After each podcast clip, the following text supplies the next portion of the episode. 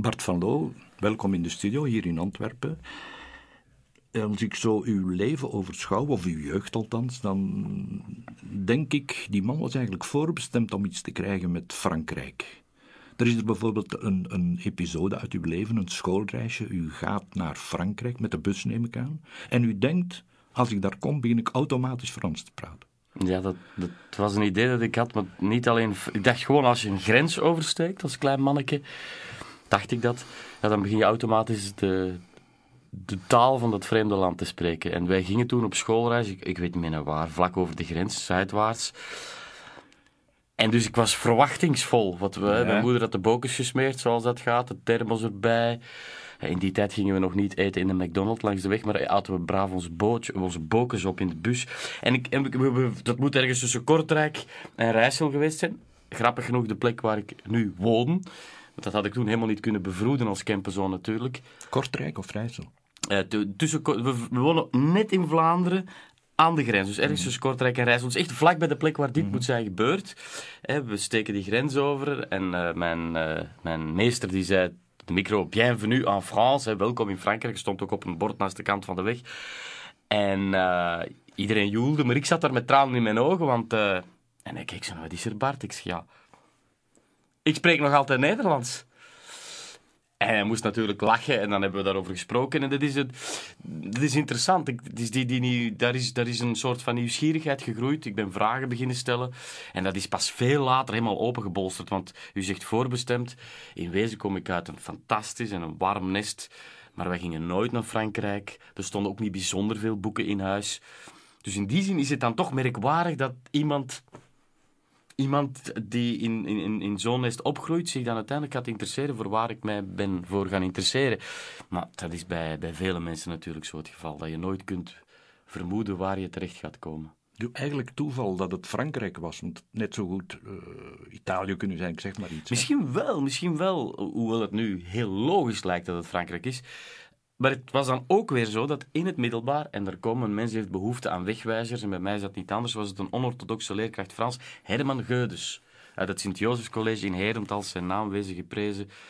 Bij deze wil ik iedereen die hier naar zou luisteren en ooit leerkracht zou zijn geweest, of het nog altijd uh, is, uh, gewoon willen bedanken. Uit naam van al die mensen, al die leerlingen die zij geraakt hebben, waarvan ze niet eens kunnen bevroeden wat zij voor die mensen hebben betekend. Die man dus, Herman die sprak over de Franse cultuur als was het een onorthodox, was het een, een door conquistadores veroverde schat die het grijpen lag. En hij doet wat je als leerkracht moet doen, hij zette die kist op een kier.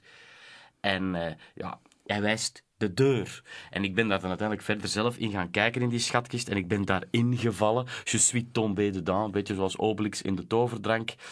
Al lijk ik zelf wel net iets meer op Asterix. En dat is het. Dat had ik nooit... Uh, dat is het begin, dat is het nulpunt. Nog meer dan die schoolreis van weleer. En dat is dan helemaal uit de hand gelopen. Hè. Was dat voor alle leerlingen zo, dat die zo inspirerend was of zo bijzonder nee. was? Nee. nee, nee, dat denk ik niet. Dat, ik weet wel dat wij een bijzondere klas waren. Hij zei vaak, wij waren de wetenschappelijke A, dus ik was... Dat bestaat ook niet meer nu, maar dat betekent dat wij heel veel wiskunde hadden. Dus ik was eigenlijk voorbestemd om industrieel of burgerlijk ingenieur te worden. En net in onze klas waren er heel veel mensen die net geen ingenieurstudies zouden kiezen. Dus er, er hing wel een atypische sfeer uh, in de klas. Maar uh, wat hij, het zaadje dat hij bij mij heeft weten te planten, dat is dan elders dan toch op de rotsen gevallen, denk ik. Maar zo gaat het. Ik heb zelf later ook les gegeven. Uh, er valt veel op de rotsen, wat ook niet erg is hoor. Mm, het is wel heel bepalend geweest voor u, hè, die meneer Geudens. Ja, toch wel. Het, en ik heb hem ook, hij, hij, duikt links en rechts in mijn boeken op, enfin, voorwoorden. Uh, hij is een zeer bescheiden man. Hij wil liever niet op de voorgrond staan, dus hij vindt het enerzijds onwaarschijnlijk leuk dat ik hem vermeld, en anderzijds voelt hij zich ook altijd een beetje beschroomd. Mm -hmm. uh, dat is, eh, wat dat betreft is, uh, zijn, wij, zijn wij tegengestelden. Ik vind het niet erg om af en toe op een podium te staan. Hij is wel lesgever geweest, maar houdt toch meer van de luwte. Maar uh, hij, heeft, hij blijft mij volgen. Hij is zelf ook nog heel actief. Heeft een blog nog altijd waar hij over de Franse cultuur allerlei informatie met steeds meer mensen deelt. Dus dit zit nog altijd in hem, die missionaris. Ik keer nog even terug in de tijd, hè, want waar u nu van spreekt, moet toen, u moet toen 15, 16 jaar geweest zijn, denk ik. U was 13. Toen is er ook iets gebeurd, een familiekroniek hebt u toen geschreven, van de familie Van Loo, op zoek gegaan als jongetje van 13, in archieven, gedolven. Vertel eens even. U hebt zich goed voorbereid. Maar het klopt, ik heb die, die dingen nog nooit zo achter elkaar met elkaar verbonden, maar uh, uh, het is... Ja, ik was... Um, het is 1985, ging 12, niet meer en niet minder, maar ik wil en ik zal mijn stamboom samenstellen. Als een snuffelende snotaap speur ik mijn weg doorheen archieven. En dat was. Dat, en dus, dus langs, de, langs de kronkelende wegen van mijn voorvaderen reis ik door mijn familiegeschiedenis en begin ik aan wat mijn eerste boek zal worden. Ik geef het meteen, meteen een erg wervende titel mee: De geschiedenis van de familie van Lo en van vele anderen. U ziet, de bestseller-auteur was geboren. Enfin, dat boek is op één exemplaar gedrukt. En ik, eh, ik heb dat nog altijd. En dat was een tocht die voorspoedig uh, verliep. Ik, als klein mannetje ging ik overal in de burgerlijke stand. En eigenlijk mocht ik daar niet binnen, maar ik, ik kwam ook maar net boven de toonbank uit. Dus ze zei van, kom, kom maar, kom maar vroeten en zoeken. Het is een zoektocht die heel voorspoedig verloopt tot plots. Al ergens in de 19e eeuw, begin 19e eeuw, mijn bed-bed-overgrootvader Jozef van Loo plotseling Joseph van Loo heet en dat hij in het Vlaams, hij is op den berg, in het Frans wordt geboren. Le deux primaire de l'Andice de la République Française. 23 november 1801 en thuis zoek ik verder van hoe kan dat nu? En dan lees ik dat ik het aan de Fransen te danken heb dat ik mij kan overgeven aan de edele kunst van de genealogie. En dat een zekere Napoleon Bonaparte op dat moment in 1801 de lakens uitdeelde. Niet alleen in Frankrijk, maar ook bij ons. En dat is dan weer het zaadje geweest wat meer dan 30 jaar later zal ontkiemen en uitbolsteren tot een vuistdik boek. Mijn laatste boek, het Napoleon-boek. En zo klopt het dat... En dat is in mijn voorstellingen ook zo, dat ik in mijn voorstellingen heel wat van mijn boeken, dat op een of andere manier het startschot autobiografisch is. Maar dat is ook niet meer dan normaal, denk ik. Omdat dat de manier is, dat, dat letterlijk, het zit ergens in uw lijf en het moet eruit. En zo zal dat ook zijn met het volgende boek dat eraan komt. Ja. U voelde meteen, schrijft u ergens in een van uw boeken, ik voelde meteen die Franse cultuur, dat is mijn universum, daar voel ik mij in thuis. Dat was eigenlijk nogal vlug het geval? Ja, of dat dan nu meteen is, dat is, uh, dat is misschien uh, liefde op het eerste gezicht, lijkt mij heel groot heel sterk om te zeggen. Maar om dan weer terug te keren naar die leerkracht Frans, het waren de lessen die mij... Ik vond die andere lessen ook interessant. Ik was, ik was een brave, goede, geïnteresseerde leerling in die tijd. Uh, maar daar gebeurde iets anders. Daar werd ik, die zijn verhalen. Ik werd opgenomen in een soort sfeer. En, ik, en het moet, in mij moet er die drang naar geschiedenis, naar literatuur, naar het geschreven woord hebben ingezeten. Toen al. Dat is onverklaarbaar in zekere zin, omdat geen een van mijn twee ouders mij eigenlijk in die richting hebben gewezen. Dat mijn zus ook iets totaal anders is gaan doen. Maar zo, zo kan het ook gebeuren dat uh, een componist geboren wordt in een boerenfamilie. Ja, waarom? Er werd wel gelezen, geloof ik, in uw familie. Hè? Ja, dat is wel. Mijn moeder las de, de doktersromannetjes uit de bibliotheek, de boeketreeks. En ik zeg dit zonder ironie of spotternij, in tegendeel, want wat er gebeurde was, ik zag mijn moeder lezen, dus ik begon zelf ook te lezen. Zo gaat dat. Dat is toch weer die imitatio, de imitatiedrang die je, die je als kind hebt. Ik heb nu zelf een dochter. Je ziet heel de tijd dat die imiteert. Ze zit nu ook al in de boeken te bladeren. Nog beseft zij niet met haar 17 maanden wat ze juist aan het doen is, maar ons huis zit vol boeken. Dus op een of andere manier ga je toch imiteren. En, uh, en dat, dus mijn moeder heeft mij wel, dat zat in haar familie op, mijn tante Gusta. Kun je een meer Vlaamse tante, tantesnaam hebben dan tante Gusta? Zij vertelde mij, ze iets ouder dan mijn moeder, dat zij ook heel veel las. Maar dat er geen tijd was op de, op de boeren het boerenerf om te lezen. Dus zij las tijdens het melken van de koeien. En dat verhaal, ik zie, het, ik zie haar, zij dat vertelt, ik kan het mij bijna niet voorstellen, zo'n beeld uit de Witte van Zichem, maar een beeld dat we bij hem nooit hebben gezien. Namelijk een, een, een vrouw die aan de eiers aan het trekken, aan de spenen van de eiers aan het trekken is, die daar een extra stoeltje heeft bijstaan waar een boek op ligt. Ongelooflijk toch? Dat is de kant van mijn moeder. Mijn vader heeft mij dan weer de zin gegeven om... Um, om mijn gedachten hardop te formuleren, om, uh, om ervoor te gaan, om uh, ambitie te hebben. Ik denk dat dat uh, mijn vaders kant is. Was hij ook een prater? Mijn vader is nog altijd een prater. Ja, ja, dat is, ja mijn vader is een... De Van Loos, dat zijn babbelaars. Dat, dat, dat zijn praters, causeurs, inderdaad, dat is zo. Mijn vader zijn... ja, dat, dat, dat, dat, zit in de familie. Mijn moeder is dat veel minder dan weer. Wat ik mij nu afvraag is Had het nu ook Spaans kunnen zijn, of Spanje, of Italië bijvoorbeeld? Want u gaat dan Romaanse Ja. studeren. Dat- of of denk je, nee, nee, nee, Frans, dat is het. Ja, als je dat puur wetenschappelijk zou bekijken, dan had dat gekunnen, want ik ben daarmee in aanraking gekomen. Maar op een of andere manier is zelfs heel het Spaanse universum... Ik ben wel naar Spanje geweest, ik heb Spaanse vrienden leren kennen.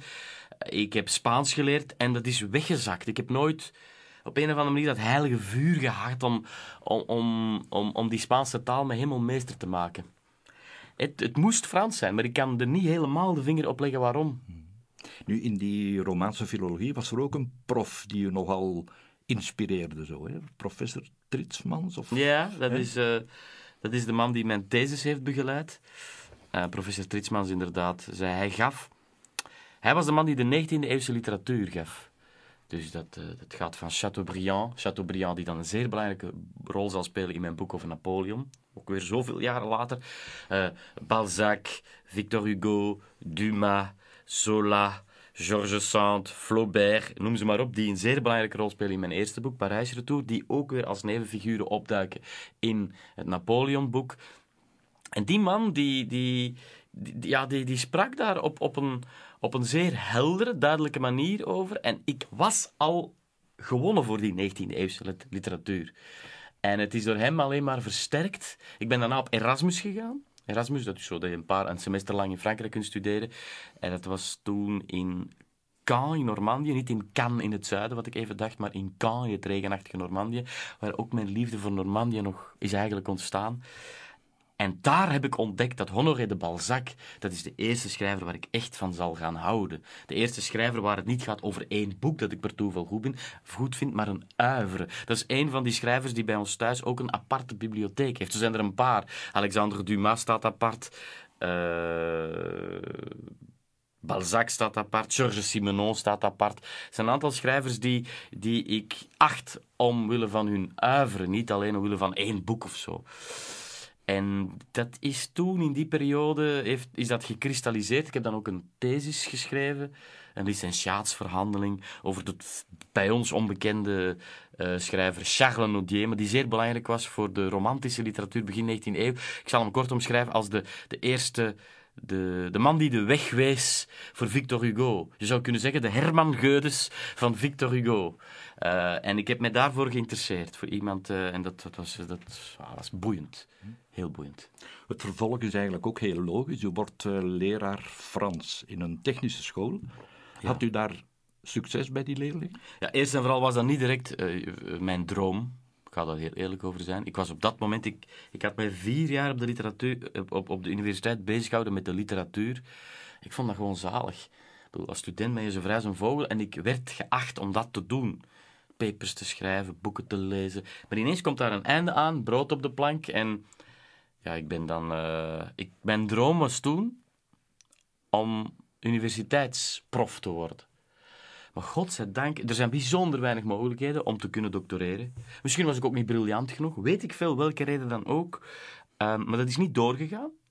En dat is een godsgeschenk geweest, want ik heb dan mijn eigen weg moeten zoeken. Anders was ik nu 43 geweest, professor aan een of andere universiteit. Zou ik mijn paar vakjes geven en, mijn, en, en artikels schrijven over punten en commas in een of andere uivre. Artikels die gelezen zouden worden door drie man en een paardenkop. En zou ik nooit door een sympathieke man hier geïnterviewd zijn geweest. En niet op een podium gestaan hebben. Ah ja, nee, alleen in een aula. Ik zou niet op een podium hebben gestaan. Dat denk ik, dat, denk ik, dat zou al heel raar geweest zijn. On ne sait jamais, hè. Maar en ik moest dus doen, en dat is, eh, het is soms fijn dat het leven je dwingt om dingen te doen. Dus ik ben gewoon gaan solliciteren. Ik heb heel veel brieven verstuurd en daar is per toeval op één. En mocht ik, ben ik terechtgekomen in Merksem, het, het Sint-Jozefs Instituut, dat later het JOMA is gaan heten. En ik ben daar eigenlijk aangenomen geweest, helemaal niet omwille van alles waar we het nu al over verteld hebben, maar omdat er op mijn diploma stond dat ik ook bij de Giro was geweest. En die directeur was Giro-leider geweest. En dat was wat ik heel goed kan begrijpen als je in een technische school gaat lesgeven. Even belangrijk, zo niet meer dan, dan het diploma. Maar, en ik heb daar negen jaar lesgegeven. Eh, wat ik daar geleerd heb, is denk ik een publiek te boeien. Want anders dan, eh, ja, dan dragen ze u buiten. Hè. Laten we eerlijk zijn. Die kerels die vonden mij tof. Die vonden mij een sympathieke man. Die, wij gingen samen voetballen. Ik nam er ook mee naar de cinema van een Franse film te gaan zien. Ik deed mijn best om daar activiteiten mee te organiseren. Maar die waren hoegenaamd niet geïnteresseerd in mijn lessen. Eh, die, die, die, die deden daar ook amper iets voor. Dus dat was op de duur, hoe leuk ik hen ook vond, dat was eigenlijk frustrerend voor mij. Ehm, ik voelde nog een drang om, om, zoveel andere dingen te doen. En dan is er een zijspoor gekomen. Heb ik, zijn er twee dingen gebeurd in mijn leven. En dat moet ook vermeld worden. Dat is um, een ter ziel gegaan tijdschrift ondertussen, de Leeswolf. Die een soort, dat was eigenlijk een recensietijdschrift. En daar hing op de universiteit hingen er ik was toen al aan het werk, maar een vriendin van mij had dat gezien. Men zocht men recensenten. Dus zo is het allemaal begonnen. En die, uh, ik heb gebeld, ik ben er langs gegaan. En, uh, want ik, ik, ik zat daar een beetje te verstikken in, in die school. Hoe, hoe, hoe graag ik dat al bij al wel deed, maar ik, ik kon, ik kon mijn, mijn, mijn, ik kon het niet kwijt wat ik kwijt wou. En dan ben ik daar gaan boeken recenseren. Wat allemaal heel, heel sober was. Kleine postzegelgrote stukjes. Daar mocht ik al eens een volledige bladzijde doen. Dan mocht ik twee bladzijden doen. Maar ik, ik had een uitvalsbasis. Een soort van ontsnappingsroute uit mijn dagelijkse leven. En zij waren sterk verbonden, dat tijdschrift, met alle bibliotheken in Vlaanderen. En plots kreeg ik een telefoontje van de dame van het tijdschrift, Jen de Groeve, die ook wel eens vernoemd mag worden, omdat zij ook op mijn pad belangrijk is geweest. En uh, die zei, ja, er is een bibliotheek en die zijn op zoek naar iemand die een paar avonden over Franse literatuur wil komen spreken. En dan dacht je, ach, ja, dat wil ik doen, dat kan ook. En dus, Merelbeke? Merelbeke, potverdikke. Ja, ja, ja, inderdaad, helemaal, zo is het. Merelbeke. En uh, in de bibliotheek, eh, Ria de Paap, dat is de eerste keer dat ik... Pas op, dat was nog niet echt op een podium, hè. dat waren negen mensen of zo. Die tafel stonden in een vierkant. En ik sprak drie avonden over Franse literatuur. Dat was eigenlijk meer een cursus dat ik gaf. Um, maar om die drie avonden te doen, daar heb ik mij dus, ja, alles wat ik de voorbije jaar, ik had al zo met die 19e eeuw bezig geweest, heb ik dan nog eens een jaar over gelezen, om bij te lezen. En, en ik had een syllabus gemaakt van 180 bladzijden. Dat was goed bevallen. Ik heb dat nog eens één keer kunnen terugdoen voor nog minder mensen op een andere bibliotheek, om u te zeggen. Uh, alle begin is moeilijk. En, um, en toen zei die dame, ik wil dat je nog eens terugkomt over de 20e eeuwse Franse literatuur. Ik zeg, ja, ik wil dat doen, maar geef mij... Ik was eigenlijk gek, want ik betaald 75 euro per avond. Ik zeg, geef mij nog een jaar extra. Dan heb ik twee jaar gelezen, om dus voor vier keer 75 euro...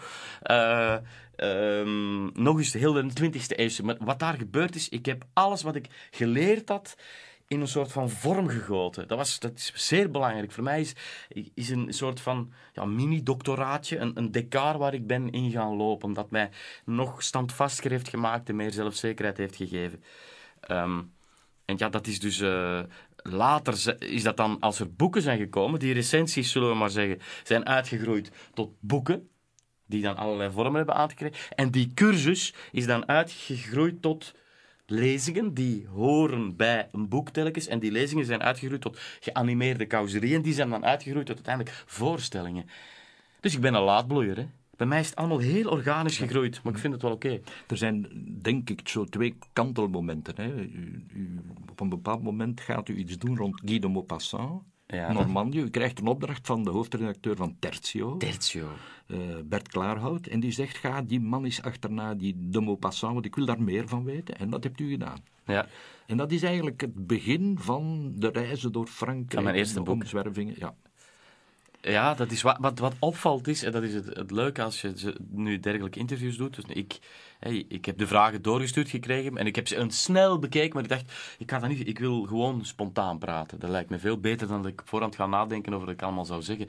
Maar wat nu opvalt is hoe belangrijk ontmoetingen in je leven zijn. Hè? We hebben al uh, Herman Geudes gehad, die zeer belangrijk was. Uh, Tritsmans op de universiteit.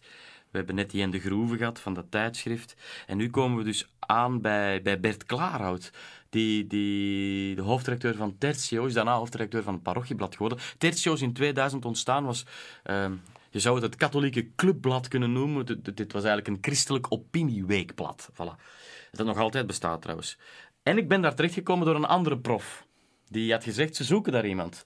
En Voilà, ik ben er dan... En Bert Klaarhout was een fantastische hoofddirecteur. Die kwam op zijn bureau en die gaf me altijd boeken mee. En, en die was zelf ook francofiel. Dus die had een liefde voor... Die, die wou daar praats, plaats voor maken. Je moet toch echt wel de juiste mensen tegenkomen. En ik mocht daar grote stukken schrijven, hè. En toen uh, grote stukken die je nooit in de standaard of de morgen kwijt zou kunnen rond literatuur. Jamais. Ik weet niet of het nu nog in tertio zou kunnen. En, uh, en inderdaad, ik zei, ja, ik wil iets doen over uh, Maupassant. En het was hij die zei ga naar Normandië. Uh, en ik dacht, ja, waarom niet? En ik ben toen, met mijn toenmalig lief, het was trouwens, het was grap, grappig is dat, het is helemaal niet grappig, tragicomisch zal ik het noemen. Die reis is onze relatie gebroken. Dus dat was het afsluiting van een tijdperk. En het was de eerste reis die ik eigenlijk ook maakte voor het eerste boek dat ik zou maken. Dus zo'n soort van... Dus de zomer van 2001. Dat is 15 jaar geleden. Of ik dat zou kunnen, dat... Nee, dat wist ik eigenlijk helemaal niet. Dat, uh... Het is wel zo dat ik inderdaad een, een, weg heb afgelegd, dat ik op verschillende plekken in Vlaanderen ben gaan... Het gaat echt over honderden plekken ben gaan spreken. Uh, en, en dikwijls in niet altijd ideale condities, maar dat, is, dat zijn de beste plekken om, uh, om leerschool op te doen. En, en zo heb ik wel ontdekt dat ik in staat was om een publiek te boeien, om af en toe een lach te genereren en om daar zelf ook heel veel plezier in te scheppen. Natuurlijk, om dan de stap naar een podium te maken, dat, dat, dat is dan toch nog wel iets anders. Op een gegeven moment werd ik op de cultuurmarkt in Antwerpen geïnterviewd door een zekere Vitalski, de nachtburgemeester Vital Baken. En dat was zo, mensen lopen voorbij op straat en hij interviewde mij, maar dat werd heel geanimeerd. En de mensen bleven staan en bleven staan en dat duurde veel langer dan het bedoeld was. En het was gedaan en we hadden er alle twee ontzettend veel plezier aan beleefd. En daar is het idee ontstaan om samen iets te doen. En ik was daar bijzonder opgetogen en opgewonden over om, om echt iets op een podium te gaan doen. En dat hebben wij samen op basis van mijn boek Als kok in Frankrijk, het literaire kookboek. Ik zat toen bij mijn lief, die toen nog in Rijssel woonde en hij in Antwerpen. En wij mailden naar elkaar. En we hebben een soort van theatrale dialoog geschreven. En wij, wij waren twee engelen die op de aarde waren gevallen. En wij gingen op zoek naar het lekkerste gerecht aller tijden. En dat was natuurlijk de gedroomde aanleiding om door, door eh, de geschiedenis en door de literatuur te waden. En we hadden ook een geurmachine bij, als we het over erwtjes hadden, dat erwtegeur. Door de airconditioning kwam chocolade, de geur van chocolade. En dat was een grote leerschool, omdat Vitalski ademt het podium. Dus een podium Dat is iemand die daarin gepokt en gemazeld is al zijn hele leven lang. En dus was dat voor mij een grote leerschool. En af en toe heb ik echt op... Ja, was dat niet gemakkelijk? Of moest ik op mijn tippen van mijn tenen staan? Of moest ik... En ik heb daar ontdekt dat wat ik niet moet doen, is een rol spelen. Dus ik was daar een engel. En ik speelde wel een engel die dan Bart van Loo-achtige trekjes had, maar ik ben geen acteur. Maar ik heb, ik heb er wel heel veel van geleerd. Van, van, van hè, de, de, de entourage, van de, de coulissen, aankomen, eh, het geluid testen, het podium beheersen. En, en dat was een heel fijne ervaring. En toen heb ik ontdekt van, hey, dit, dit, hier heb ik heel veel van geleerd. Dit wil ik, ik heb een soort van zelfzekerheid gekweekt. Maar ik ga mezelf zijn. Ik ga gewoon op een podium staan. De mensen zien me en zeggen: Ah, het is, dat is Bart van Loo. Het is niet iemand die iemand speelt. Nee, hij is gewoon zichzelf. En als ik dan begin te praten, dan geloven de mensen mij. En dus ook met dank aan Vitalski, nog iemand die belangrijk was op mijn pad. U komt dan ook een andere figuur die belangrijk wordt in uw leven, Harold Polis. De uitgever. Harold, ja. Ik moet Harold zeggen. Ja, Harold, u spreekt het op zijn Engels uit. Harold, maar het is Harold. Harold Polis, ja. Dat is eigenlijk ook een beetje een sprookjesachtig verhaal, vind ik. Hè? Want u bent ziek en u gaat toch maar naar, naar, een feestje bij een vriend. En u zit daar in een hoekje een beetje troosteloos. En dan komt die meneer Polis komt naar u toe en daar begint dan weer een nieuw hoofdstuk. Daar begint een heel belangrijk hoofdstuk. Maar het hoofdstuk wat nu gaat beginnen, zou onmogelijk zijn zonder al die vorige kleine, piepkleine hoofdstukjes. Enfin, ik ben 29. Zeg het. Dus, dus, uh, en uh, mijn beste vriend wordt 30. Die is een jaar ouder. Uh, die nog altijd mijn... Ik ga dit, deze zomer trouwen. met een Française trouwens. Ook niet onbelangrijk in dit verhaal. En hij zal de getuige zijn. Dus die man is toen... Die, die, die, die gaf een feestje. Is dat Coraline waarmee u... Ja, ja, ja. Dat is Coraline, effectief. Mm -hmm. ja. En... Um, en Chris dus, mijn goede vriend, ook ja, dat is een heel belangrijke ontmoeting. Dat is de man die ook al mijn boeken in de eerste versie heeft gelezen. In de onaffe versie. Die eigenlijk nooit mijn boeken, mijn beste maat, heeft mijn boeken nooit in de afgewerkte, perfecte, tussen veel aanhalingstekens vorm gelezen. Heeft altijd die, die onaffe dingen gelezen. Onze vriendschap heeft dat gelukkig overleefd. En uh, die wordt dertig en enfin, ja. En wat blijkt nu? Dat hij op dat moment regelmatig gaat squashen met de vrouw van Harold Polis. En ik kende Harold al, want Harold was, al een beetje een, was toen al aan het uitgroeien tot een klein mythisch figuur, wat hij nu wel toch voor een stuk geworden is. Ehm, die eh, was een man die de, de, in de Blaas uit, de cultuurbijlage van de Gazet van Antwerpen, elke week vol schreef. Die links en rechts, die dan voor de morgen... Die, die dook overal op als een soort van jonge god van de literaire kritiek. En was ook al uitgever. Maar dat was zo iemand die ik wel eens een hand durfde geven. Of die, en die ook al gezien had wat ik deed. Maar ik wist dat niet. Wij kwamen elkaar er tegen en hij kwam naast mij zitten en ik was effectief ziek. En normaal gezien zou ik echt niet gegaan zijn. Maar het ging over Chris. Ik heb u verteld hoe belangrijk die voor mij is. Dus ik dacht, ziek of niet, ik ga er toch naartoe. Dus ik zit echt in een hoekje. En Harold, die daar eigenlijk via zijn vrouw is, dus ook niet zoveel mensen kent. Mij kende eigenlijk ook niet zo heel goed, maar dan toch nog wel een beetje. Dus hij kwam naast mij zitten. Godzijdank was dat niet op een literaire receptie waar hij 101 mensen zou hebben gekend. Dus hij kwam naast mij zitten en hij zei, ja Bart... eh, hoe is het en waar zijt je mee bezig? En ik vertel dat ik net bezig ben met het nareizen van Franse schrijvers. En dat, dat was toen het geval, het Davidsfonds eigenlijk geïnteresseerd was. En ik, de stond- uitgeverij op punt om te tekenen bij het Davidsfonds. En Harold zei, nee, niet doen. Niet tekenen. Want jij staat in mijn boek. Harold heeft altijd groots, grote woorden. Hè. Jij staat in mijn boek van mensen waar ik nog mee wil werken. Ik zeg, ah ja, bon. Zegt, ja, je hebt dat. En het bleek dat hij allemaal wist welke kleine dingetjes ik links en rechts geschreven had. Ehm, en hij werkte toen nog bij Nijgen van Dietmar. Ja, Nijgen van Dietmar. Een Nederlandse uitgeverij. Dat, het was toch nog net ineens... Davidsfonds was voor mij ongelooflijk, maar ineens was er ook een grote Nederlandse uitgeverij geïnteresseerd. En dan heb ik, ben ik meegegaan met Harold Polus. En dat heeft... Dat is, van, dat is dus 2002 was dat, is dat begonnen, onze tocht.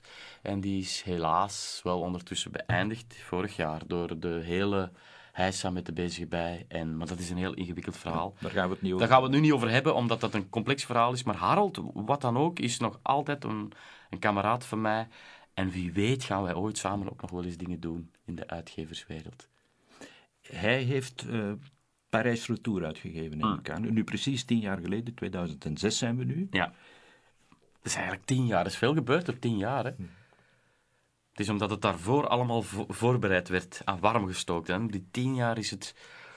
Is het is er, ja. Tien jaar, 2006, Parijs Retour. Ehm, de, wat, wat, wat het is, wat het is. Hè? Het is eh, reizend door Frankrijk met een rugzak vol boeken. En die boeken zijn het kompas. Ik trek een boek uit de rugzak. Ah, speelt in Normandië, naar Normandië. Ah, speelt in de Auvergne, naar de Auvergne, naar de Côte d'Azur. En zo telkens het decor van een roman binnentreden. En u gaat daar op een rotsblok zitten waar Victor Hugo een gedicht geschreven heeft, bijvoorbeeld. Bijvoorbeeld, oh, ja, inderdaad. Of u eet in restaurants, voor uw andere boek dan weer, hè, over de gastronomie in Frankrijk. Dan gaat u eten in een restaurant waar meneer X ooit... Ja, ja dat, hè, was, dat was eigenlijk bij Parijs, Parijs Retour. Ben ik, gaan, ben ik een, eens een keer gaan eten waar Balzac. Daar is het idee, ontstaan voor het tweede boek. Ik ben het eerste boek ben ik de schrijvers achterna gereisd.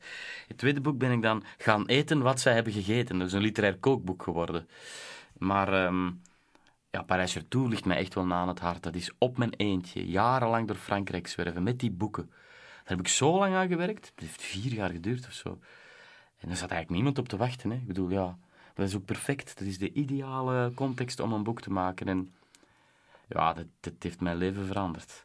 En inderdaad, ik heb op een rotsblok gaan zitten waar... Dat is een heel romantisch boek eigenlijk. Dat moet... Het, ik zou dat nu veel... eh, ik zou die romantiek een beetje temperen wellicht als ik dat nu zou schrijven, dat boek. Maar dat is net de kracht van het boek. Ik was toen 10, 15 jaar jonger toen ik het geschreven heb. En dus ja, je moet dat nu niet meer gaan temperen. Hè. Dat is, dat is die, je ziet die goesting, die straalt eraf om, om die schrijvers, om over een prikkeldraad te springen, om dichter bij een schrijver, verjaagd te worden van een erf. Ja, ik zeg het, het decor van een roman binnentreden. Keer op keer. Uw kracht is, eh, een van uw krachten zal ik maar zeggen, is dat u altijd de goede invalshoek ook vindt. Hè? Bijvoorbeeld uw boek over chanson. U zegt, ik ga de geschiedenis combineren met eh, liedjes. Hè? U gaat liedjes inschakelen in die geschiedenis en het zo op die manier toegankelijk maken voor mensen. En interessant, boeiend, populair. hè. Dat is waar, maar wat dat eigenlijk vooral is, hè, en dat is het. Zeker bij chanson is dat het geval met, alle boeken.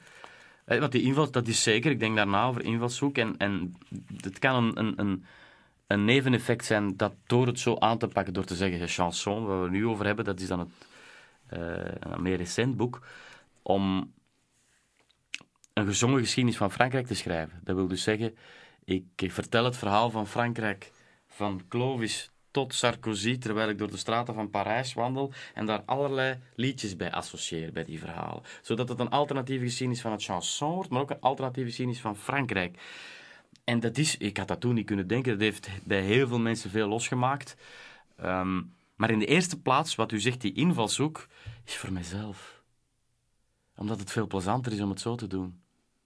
Ik, dit is heel leuk. Ik Hoe bent u daarop gekomen, op dat idee? Ja, dat, ja dat, ik wou, het, het, om maar te zeggen, hoe, wat je, mijn eerste versie was, ik wou eigenlijk een lijstjesboek maken. Ik dacht, ik, ga, ik, ik had dan mijn trilogie afgewerkt. Ik dacht, nu ga ik een gemakkelijk, eenvoudig, ik ga een lijstjesboek maken. En, en rond chansons. De trilogie, de, die, die duizend bladzijden die waren af. En ik dacht, ja, ik, en ik had dan nog een Elschot-boekje gemaakt. En ik dacht, nu wil ik even, ik had keihard gewerkt. Maar dat was Parijs Retour, uh, de gastronomie zat daar ook in. Ja. En, en Over Miljoen Spleet, het boek ligt hier. Nu hebben we het over dus de trilogie. De eerste drie boeken zijn Reizen door Frankrijk, Etend door Frankrijk en daarna ja, Vrijend door Frankrijk. Dat was dan vooral in mijn verbeelding, maar in ieder geval, ik uh, heb dan, uh, omdat ja, er, er zat wel echt een praktische kant aan die boeken natuurlijk. Hè. Het reizen, het eten en het reizen en lezen, uh, eten en, uh, en dan nog tenslotte vrijen. En dat telkens met literatuur. Uh, omdat ik wou dat literatuur niet alleen iets bleef voor mensen met te veel diploma's op overschot voor de intellectueel in zijn hoekje. Nee, literatuur is iets van ons allemaal, is iets wat door ons bloed ruist. En daarom wou ik daar inderdaad een bijna praktische benadering van met reizen, eten en vrijen. Ja, ik heb je onderbroken, want het ging over chanson. Hè? Ja, tuurlijk. ook, ook daar, chanson, ook weer een invalshoek. Om, omdat ik het in de eerste plaats... Uh, ik dacht, ik ga een gemakkelijk boek maken. Ik heb zo hard gewerkt, maar dat, lukt dus nooit. Hè. Of ik heb dat één keer gedaan, dit en, heb ik eens een tussendoortje geschreven. Maar meestal uh, word ik door het onderwerp op sleeptouw uh, genomen. En ik dacht, ik ga een lijstjesboek maken. Dus dat was het originele idee zo van... Uh, tien chansons om aan je onkel te geven. tien chansons om een, een, een, een, ontroostbaar lief mee te troosten. Tien ik had zo allemaal lijstjes in mijn hoofd en dan liedjes en ik zou daar commentaar bij geven. En, en, en dacht, ja, dat, dat fix ik wel heel snel. Dat is... en voilà, en dan iemand zou, en toen zei ik weet nog goed, het was op een boekvoorstelling van iemand anders, en toen zei de dame van de uitgeverij, Katrien de Loos, die zei, ja, maar nee Bart, de mensen willen uw stem horen. De mensen willen een persoonlijkere aanpak. Ik dacht, ja. En dan, op een gegeven moment is het gekomen, ik sta op de Pont en ik hoef, als je op de Pont staat, alleen maar van links naar rechts te kijken. In Parijs, ja. Mhm. Mijn blik op de juiste plekken te rusten te leggen. En met de nodige historiografische associatievermogens zie je heel de geschiedenis van Frankrijk.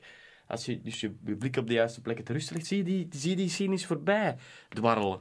En als je dat maar lang genoeg doet, dan blijft er, dan begint er muziek in je hoofd te spelen. En dat is, dat is wat ik de eerste honderd bladzijden van dat boek doe. Ik sta op een brug en ik ga met mijn blik en, te, en ineens ontspringt die Franse geschiedenis met telkens liederen erbij. Ja, en dat is, en, en ik heb mij geamuseerd. Ik, ik heb mij geassocieerd tot ik aan Sarkozy ben gekomen. Ah, en ja, toen ik daarmee bezig was, chanson, zeiden de mensen. chanson, wat een saaie. Chanson, Frans, chanson.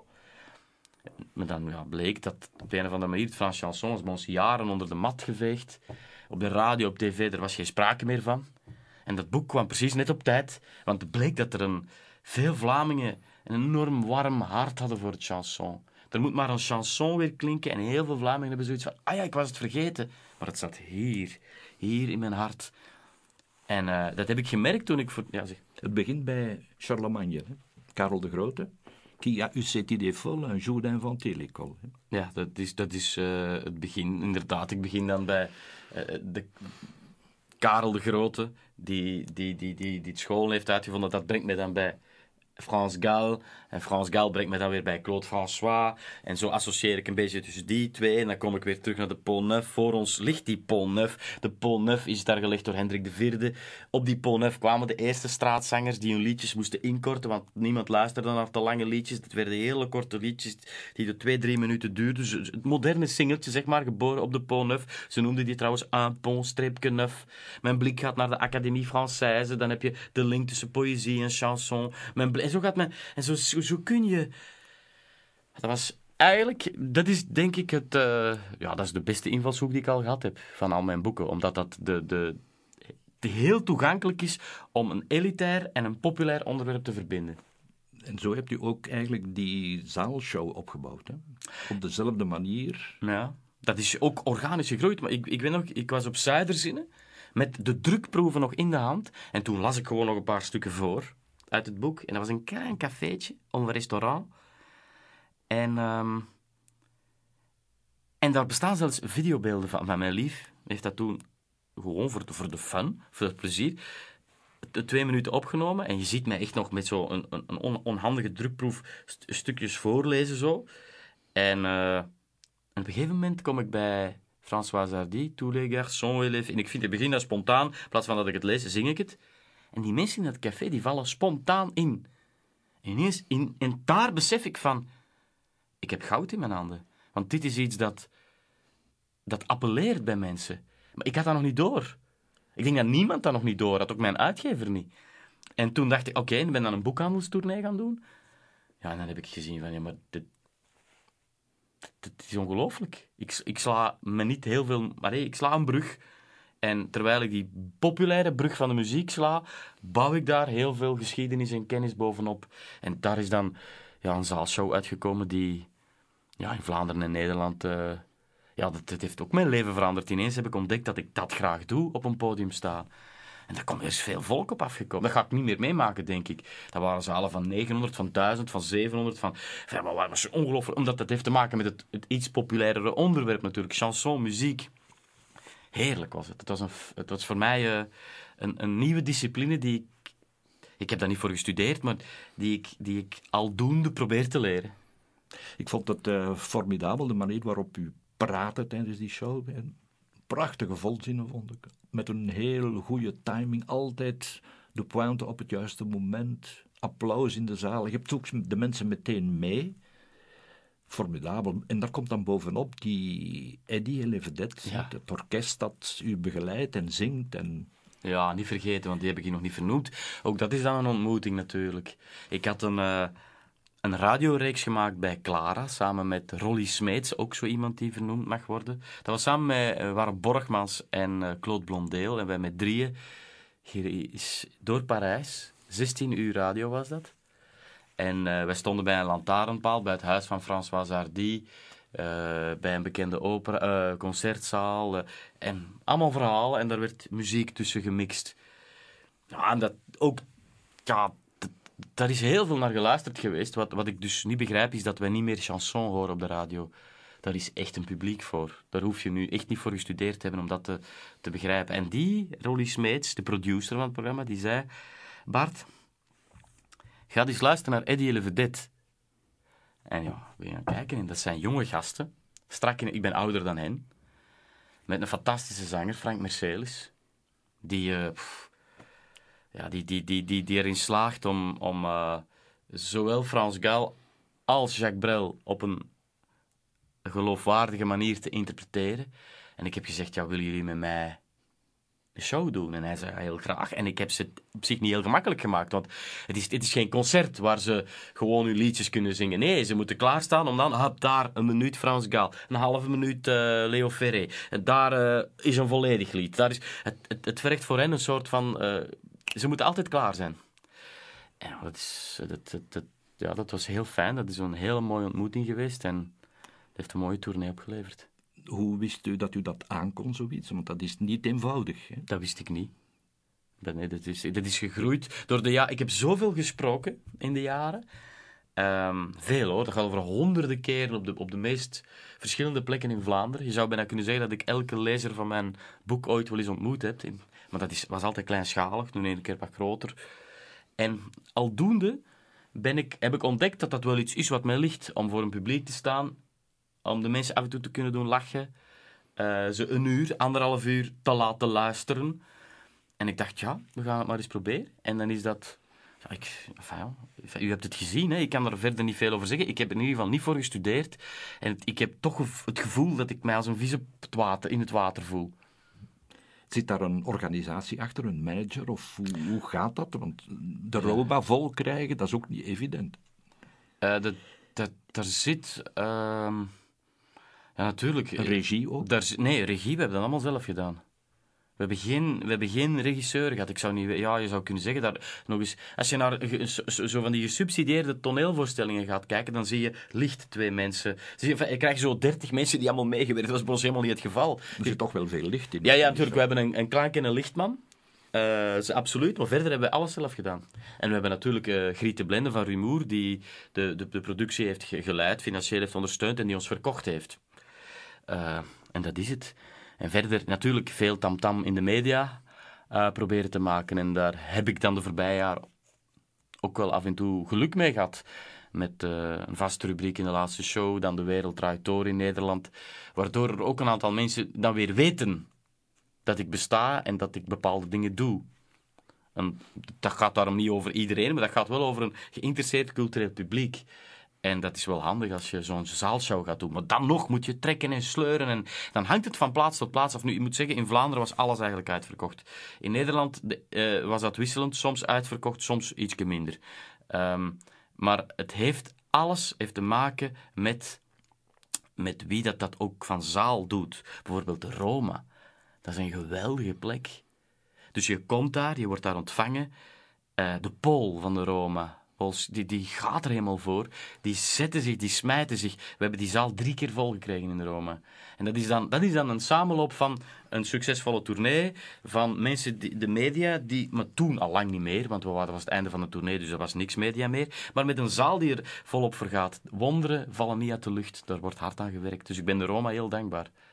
En dat was een mooie afsluiter van de tournee. Wat is uw favoriete chanson? Oeh. Ehm, Eentje of twee? Als ik er twee moet noemen. Ik hou ontzettend van, eh, dat zit in de voorstelling ook in, La Ville sans dormir van Brel. Dat is de blauwe van Brel, dat is de laatste plaat van Brel. En om die plaat op te nemen komt hij overvliegen van zijn Marquise-eilanden naar Parijs met maar één long, kanker. De geluidstechnici die moeten al hun kunde en vernuft uit de kast halen om Brels gezucht, gesteun, gehijgs en gerochels, een gevecht met de steeds sneller wegvluchtende ademhaling, om dat allemaal weg te gommen. En we horen er niks van, we horen alleen maar meesterwerken, waaronder dat nummer. Dat gaat over een, een, een ruiter te paard die langs een indommelende stad rijdt, La Ville sans dormir.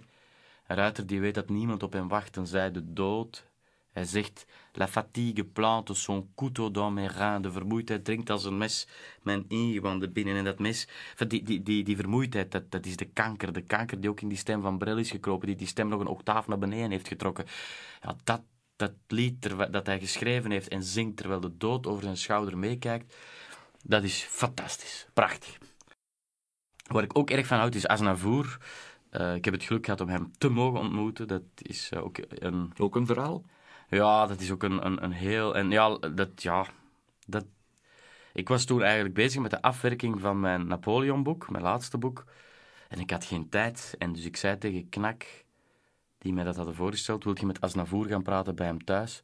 Ik zei, nee, ik heb geen tijd. En mijn lief, die hier ook al een paar keer is opgedoken, en binnenkort mijn vrouw dus, die zei... Als jij niet naar Asnavour gaat, dan slaapt je hier niet binnen vannacht. Ik had zoiets van...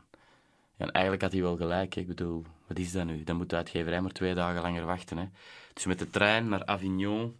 Het was juli, het was warm weer. Ik wist ook niet, wat moest ik nu aandoen? Wat toe, als je bij Aznavour op de koffie komt thuis, wat voor kleren doe je dan aan? Dus ik dacht, ja, moet ik een kostuum aandoen of geen kostuum?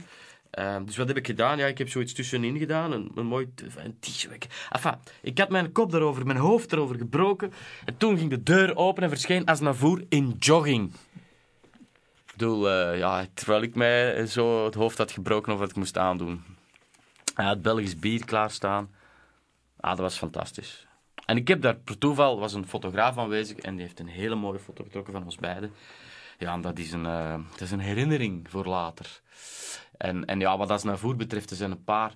Ja, ik zou het kunnen hebben over Non n'ai rien oublié, wat echt, echt ook mijn nummer twee chanson is, aller tijden. Misschien wat zo, over de tijd die in je kleren kruipt, de tijd die niet een jas is die je zomaar kunt uitdoen. Dat zit erin, maar laat ik het... Daar heb ik al veel over gesproken en daar valt veel over te zeggen over dat lied. Maar een één klein Aznavour-lied, ehm, dat ik nu, want ondertussen ben ik papa geworden, dat ik voor mijn dochter Clémence, als ik haar in bed leg, dan zing ik dat. En dat is eh, Sa jeunesse. Lorsque l'on tient entre ses mains cette richesse, avoir 20 ans, ik maak daar dan van, avoir 17 mois, want is 17 maanden, avoir 20 ans, des lendemains pleins de promesses, lorsque l'amour sur nous se penche pour nous offrir ses nuits blanches. Il faut boire jusqu'à l'ivresse sa jeunesse. Je moet, je moet je als een roes, als in een roes overgeven aan je jeugd. Wel, dat wil ik mijn dochter wel toezingen. En dat zing ik dus, of ik dat toonvast zing, dat is iets anders. Maar uh, dat is een, een, prachtig lied. En ik zou zeggen, een tip voor vaders, voor moeders, voor grootouders met kinderen of kleinkinderen. Om dat te zingen en om zo, wie weet, het heilige vuur door te geven aan een nieuwe generatie. Nog drie dingen, is dat goed? Ja, ja. Elschot. Ja. Er is een connectie met Frankrijk ook, tussen uh, Elschot en Parijs. En u hebt daar ook weer een mooi boekje over geschreven, lichtvoetig, speels. Ja. Niet de grote literatuur, maar toch Ja. heel amusant. Ja, dat klopt. Dat is, eh, dat is een, een, een, een spelerij, die, die Elschot. Dat was een opdracht van eh, het Elschotgenootschap. Die hadden, nog, die hadden foto's en ik zou daar tekst bij schrijven. Maar op de duur is mijn verhaal... Die commentaar is een verhaal geworden en dan is het echt een boekje geworden. Eh, een boekje wat ik, waar ik heel blij mee ben, maar wat ik graag op een dag nog eens wil eh, herwerken. Omdat het... Ik zou het willen herschrijven, om het iets te, te temperen. Dat moet echt getemperd worden, stilistisch.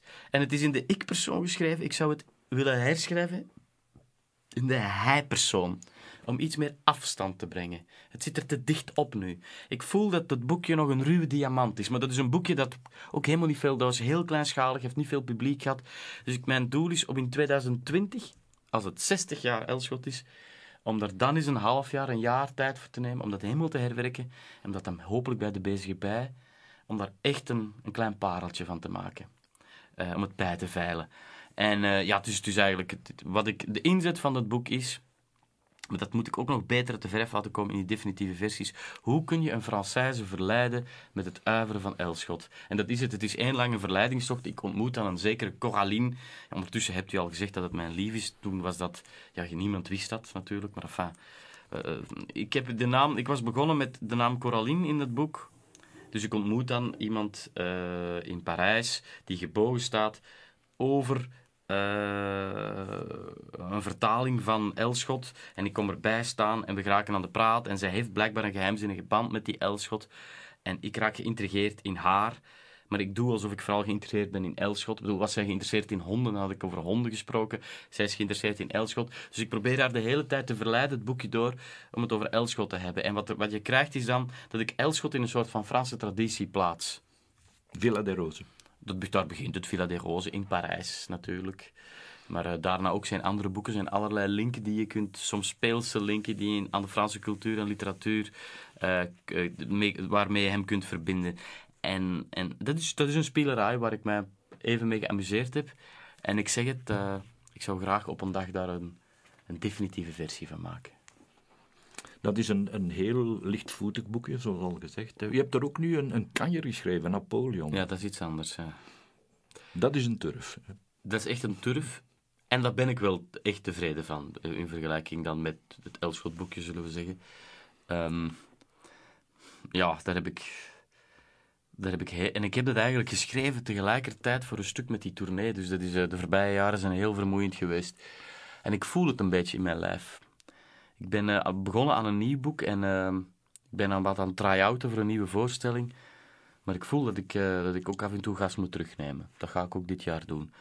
Maar die, ja, die, die Napoleon, dat is, dat is ook... Ja, dat is, ja, dat is 1 miljoen tekens, hè, 500 bladzijden. Ehm, dat is gewoon gekke werk. Hè. Een boek over Napoleon schrijven, dat is een bibliotheek inslikken. Er zijn meer boeken verschenen dan er dagen vergeleden zijn sinds zijn dood. Er zijn volgens mij meer boeken over Napoleon dan er potentiële lezers zijn. En nog een boek, en nog een boek, en weer een boek. Au suivant, zou Brel zeggen. Hebt u dan nog iets kunnen aan toevoegen eigenlijk aan al die boeken? Wat, wat, ja, wat, wat ik met dat boek gedaan heb, is, want het is natuurlijk wel heel pretentieus om na de miljoenen bladzijden die aan Napoleon zijn gewijd. Ik denk niet dat ik daar feitelijk iets aan toevoeg. Wat trouwens niet altijd het inzet is van mijn boeken. Wat ik wel heb gedaan, en dat is ook wel wat de inzet is van mijn boeken, dat is dat ik daar met een bepaalde manier naar kijk. De invalshoek. De invalshoek en vooral hoe ik dan elementen aan elkaar associeer. En, en, en, en dat is denk ik wat ik doe. Ik slik een bibliotheek in en ik ga dan. Dat is, dat, is een, dat is waarom ik nu in een zeer vermoeiende fase zit van mijn nieuwe boek. Dat is een kluwen.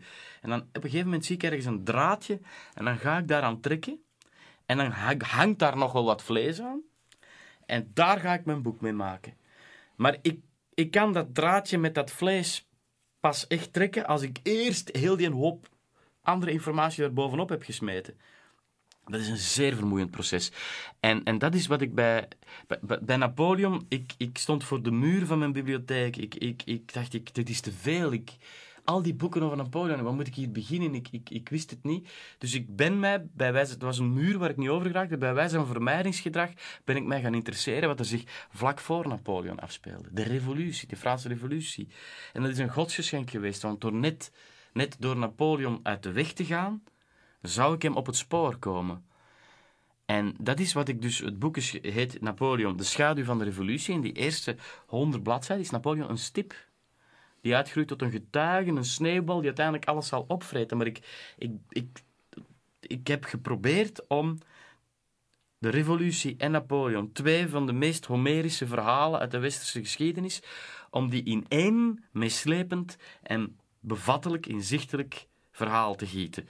Waar, waarbij ik dan zou aftoetsen of Napoleon de, de revolutie nu al dan niet verraden heeft. Maar om dat te kunnen doen, moest ik het fantastische verhaal, het ingewikkelde, maar epische verhaal van de, van de revolutie vertellen. En dan stilletjes aan komt Napoleon meer en meer in beeld. En, en ik, dat was het inhoudelijke en het vormelijke. Bij dit boek was de inzet voor mij, ik wou dat het las als een roman. En, en dat ging ook omdat Napoleon, er zijn zoveel getuigenissen, ik kan hem laten spreken in het boek. Dus het, en, en dat is denk ik en daar ben ik tevreden over. Dat, dat, denk dat het, denk dat het meeslepend is en dat het tegelijkertijd ook heel veel informatie bevat. Dat is de, de... En het boek heeft het, want ik was na een chanson wel een beetje bevreesd. Ik dacht, na zo'n populair thema, nu dit. Maar er zijn er ondertussen op een, op een jaar tijd evenveel van verkocht als bijna evenveel van verkocht als, als van chanson op een paar jaar tijd. Hoeveel? Dus, dus dat wil zeggen, uh, we zitten nu uh, met Napoleon zitten we rond de 22.000 exemplaren. Wat veel is voor een nicheboek, of een nicheboek, een historisch werk. Een, uh, en daar ben ik dus ontzettend tevreden mee. Dat had ik eigenlijk niet verwacht. De... Gaat uw volgende show ook over Napoleon? Ja, dus daar ben ik nu mee bezig. Deze avond hebben we trouwens ook een, nog een try-outje hier in Antwerpen, in een klein theatertje. En ik ga het dit jaar nog een jaar of een keer of tien try-outen. En dan gaan we in het voorjaar van 2017 gaan we in première. In, uh, gaan we weer een tournee van een dertigtal data doen. Maar dat, dat gaat natuurlijk iets intiemer zijn dan... Ik sta nu met één muzikant op het podium, Geert Hellings, de gitarist van Eddie Levedet, weer een ontmoeting. En, uh, dus dat is muziek en woord. Maar het is niet met een heel orkest dat ik er sta. Het gaat ook niet over bekende chansons waar ik het over heb. Ik ga het hebben over de revolutie, over Napoleon en over mezelf. Want ik begin met die voorstelling weer bij mezelf. Ik ga op zoek naar Napoleon in Parijs. Ik ga op zoek naar uh, mijn lievelingsschrijvers in Parijs. En ik ga op zoek vooral naar mijn lief in Parijs. En het is die persoonlijke zoektocht, weer in Parijs, waarin stilaan een heel verhaal naar boven komt borrelen. Dat muzikaal ondersteund wordt. We zijn aan het onderhandelen met een kunstenaar om dat scenografisch ook een mooi bepaald artistiek cachet te geven. En dan hoop ik dat dat een iets intiemere voorstelling wordt dan chanson, maar toch wel een, een theateravond die de moeite zal zijn. In kleinere zalen dan? Ja, maar het probleem is dat je in Vlaanderen ook niet echt zoveel kleinere zalen hebt. Uh, in Nederland, daar kun je wel, daar heb je, hebben we altijd hele grote zalen, middelgrote en kleine zalen. Um, terwijl dat bij ons zijn culturele centra, culturele centra. Uh, en je hebt er waar dat er dus het is een mengeling. Maar bijvoorbeeld, ik weet dat we ook naar Lier gaan. En in Lier is dat modulair. Daar kan dat tot 900. En ze gaan het tot, denk ik, een kleine 300 mensen verkleinen. En als dat lekker vol zit, met dan, dan, dan is dat, dat is wat ik voor ogen heb. Zo 150, 200, 250 mensen die in een gezellige zaal dicht bij elkaar zitten. Dat lijkt mij perfect voor deze voorstelling. Terwijl bij chanson konden we tot ja, konden we nog, nog meer gaan. Maar ik denk niet dat dat echt passend is bij de deze. Maar dat zullen we ook weer zien. Waar komt al die energie vandaan? Ja. Enthousiasme, energie, bevlogenheid. eh, Vermoeiend, hè? Zo van, eigenlijk is het heel vermoeiend, hè? Ehm, in de eerste plaats van mezelf, natuurlijk. Nu, pas op, het is, het is als er een micro hangt of er zitten mensen in de zaal, dan ik, vaak zit ik gewoon een week alleen thuis en zeg ik niks van de hele dag. En ik woon daar nu op de buit, wij wonen daar met ons kleine gezinnetje, aan de Franse grens, in het groen eigenlijk. Eh, de dichtstbij zijn de buren zijn 2, 3, 400 meter. En dat is perfect, want ik heb een aard. Er zit al sowieso, zonder dat ik er moeite voor doe, veel ellentrik, zoals ze zeggen bij ons, in mijn lijf. En het is goed dat ik, eh, en die gebruik ik om op het theater, om deze avond weer de, de volle mak voor die try-out te gaan, om, om, om, omdat het noodzakelijk is. Zeker als het gaat over een podium. Wat vind ik zelf als ik in een zaal zit de moeite? Of het nu gaat over eh, zangers, over muziek, over theater, over een monoloog, over waar ik van houd, is energie op een podium. Ik ben, een van mijn helden is Mark Knopfler van de Dire Straits. En ik ben samen met Geert Hellings, waar we nu de voorstelling mee maken, eh, die daar ook eh, grote fan van is, zijn wij naar de Royal Albert Hall geweest eh, vorig jaar in Londen. Mythische zaal. En dat was een tegenvaller. Dat was een tegenvaller. Waarom? Omdat hoe mooi de muziek is die hij ooit geschreven heeft. Mark Knopfler stond daar, had geen pit, geen puff, geen power op dat podium. Ik heb Asnavour gezien, die 90 is, en ik was tot de tranen toe geroerd. Natuurlijk is die man 91, dus die kan niet meer zich geven zoals hij 43 was. Maar het is dat wat het hem doet. Brel, Piaf, Asnavour, eh, maar ook eender wie. Zelfs als het de voorzitter van het Davidsfonds is die de inleiding geeft op een, op een voorstelling. Het is de energie, de pit, de puff en de power. En dan hebben me- mensen gaan dat dan naar eigen talent anders invullen. Maar dat is op een podium een hele grote kracht, denk ik. En eh, ja, verder is het... eh, maar u zegt veel energie, maar ik, soms denk ik echt, ik stop ermee en ik ga schapen hoeden of zo. Het is, omdat het toch wel veel van mij vergt. Aan welk boek schrijft u momenteel? Eh, ja, dat is... Dat is dat is, het, het is, het is ik zit in zo'n fase waar, dat ik, waar dat ik er niet echt heel gelukkig mee ben, omdat het het begin is en het is moeizaam. En... Maar ik wil een boek maken rond de Bourgondiërs. Het grappige is, we zullen dan... Ik zeg dat nu, we zullen dan... Als u, wanneer u naar dit gesprek luistert, beste lezer, en het is ondertussen 2017, 2018 en het boek zal er zijn, dan kunt u oordelen of dat wat ik nu zeg, dat daar iets van in huis is gekomen. En we zitten hier nog eh, begin 2016. Het, ik wil iets doen met Bourgondië. En er zijn allerlei redenen voor. Bourgondië, dat kennen wij natuurlijk. Dat is eh, de streek in Frankrijk. hertogen ook. hè? De hertogen en zo verder. Ehm, en het is die, die, die streek van, van, van melk en honing, lekker eten, goede wijn in Frankrijk. En het toeval wil dat mijn lief, bijna vrouw, een Bourgondische is. Geboren in Nevers. Hartje Bourgondië. Nevers, in het Vlaams vertaald, betekent dat Niverans. Nevers. Ik bedoel, dat ligt daar ergens verloren. Dat is ook een, een verloren eh, provinciestad nu in Frankrijk. En ja, ik wil haar geboorteland begrijpen, die geschiedenis doorgronden. En, en, en het, het is zo dat een, in de 13e, in de 14e, 15e eeuw zijn de Bourgondische hertogen uitgegroeid tot de machtigste staat in Europa. Dat was het centrum van Europa. Dat was de bling-bling avant la lettre. Dat waren rijke hertogen, parvenus, die, die, het, die, het, die het bijna helemaal hadden gemaakt. Die het- Zo wil de koning worden. Voilà, ze wilden eigenlijk, en dat is dus wat, waar Napoleon dan wel in zal slagen, zullen ze uiteindelijk niet in slagen, maar ze zijn wel heel ver geraakt. En zij zullen gaandeweg ook Vlaanderen en Nederland onder de knoet krijgen.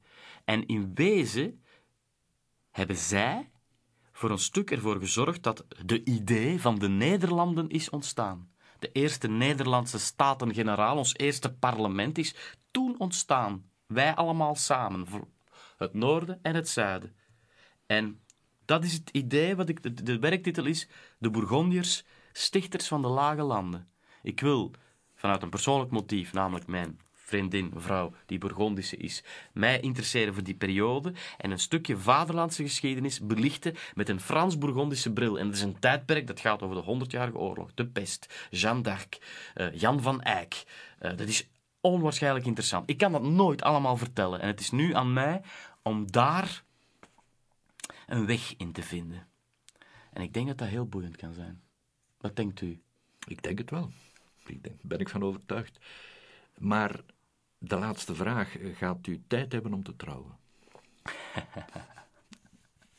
ja, ja, ja. ja. Want, want uh, ik vind het dus een heel goede vraag. Eigenlijk, eigenlijk zou, je, zou, zou, we gewoon het, zou je het interview moeten afbreken na die vraag. Zo, gaat u tijd hebben om te trouwen? knip. Dat zou perfect zijn. Maar um, voor alle duidelijkheid is het zo dat ik... Um, dus ik ben nu... Ik doe maar twee dingen in mijn leven nu, voor professioneel. Dus ik werk aan een nieuw boek en af en toe heb ik een weekje dat ik sleutel aan de try-out. Dat is op zich is dat te doen. Natuurlijk komt daar nog bij dat ik ook nog familie en vrienden heb, een bijna vrouw, een kind. Dus het is wel redelijk vol, geef ik toe. Maar natuurlijk gaan we tijd hebben om te trouwen deze zomer. Twee dagen na de 14 juillet hoop ik dat het ook een jour de gloire zal zijn. Met uh, veel Fransen en veel Vlamingen bij elkaar. Het zal een toren van Babel zijn. Ja, daar gaan we. In Bourgondië? Nee, nee, nee. nee, nee hier. Wij trouwen op de taalgrens. Echt. wij trouwen in uh, het feest zelf. Ik trouw natuurlijk in het dorp, waar ik, maar het feest zelf is in Dottenijs, in Dottigny. Voilà, Dottenijs, Dottigny. Op de taalgrens. En daar zullen Fransen, Franstaligen en Nederlandstaligen zijn. Vaak kan het symbolischer. Dus uh, dat wordt een feest waar l'amitié franco-belge hoogtij zal vieren. En, uh, en ik vind het fijn om de vrouw die mij al zoveel jaren vergezelt, die inderdaad voor een stuk toch een muze is en mij ondersteunt, die letterlijk Frankrijk in mijn leven heeft binnengebracht, die ervoor gezorgd heeft dat alles waar ik in mijn leven al doorgereisd ben, doorgelezen heb, overgeschreven heb, dat dat ook een aarding heeft gekregen en geworteld is geraakt. In het bijzonder door onze dochter, die de dubbele nationaliteit heeft en die als alles goed gaat ook probleemloos de twee talen zal spreken. Dus ja, wij gaan tijd maken en hebben om te trouwen. Bart ik dank u zeer. U bent bedankt.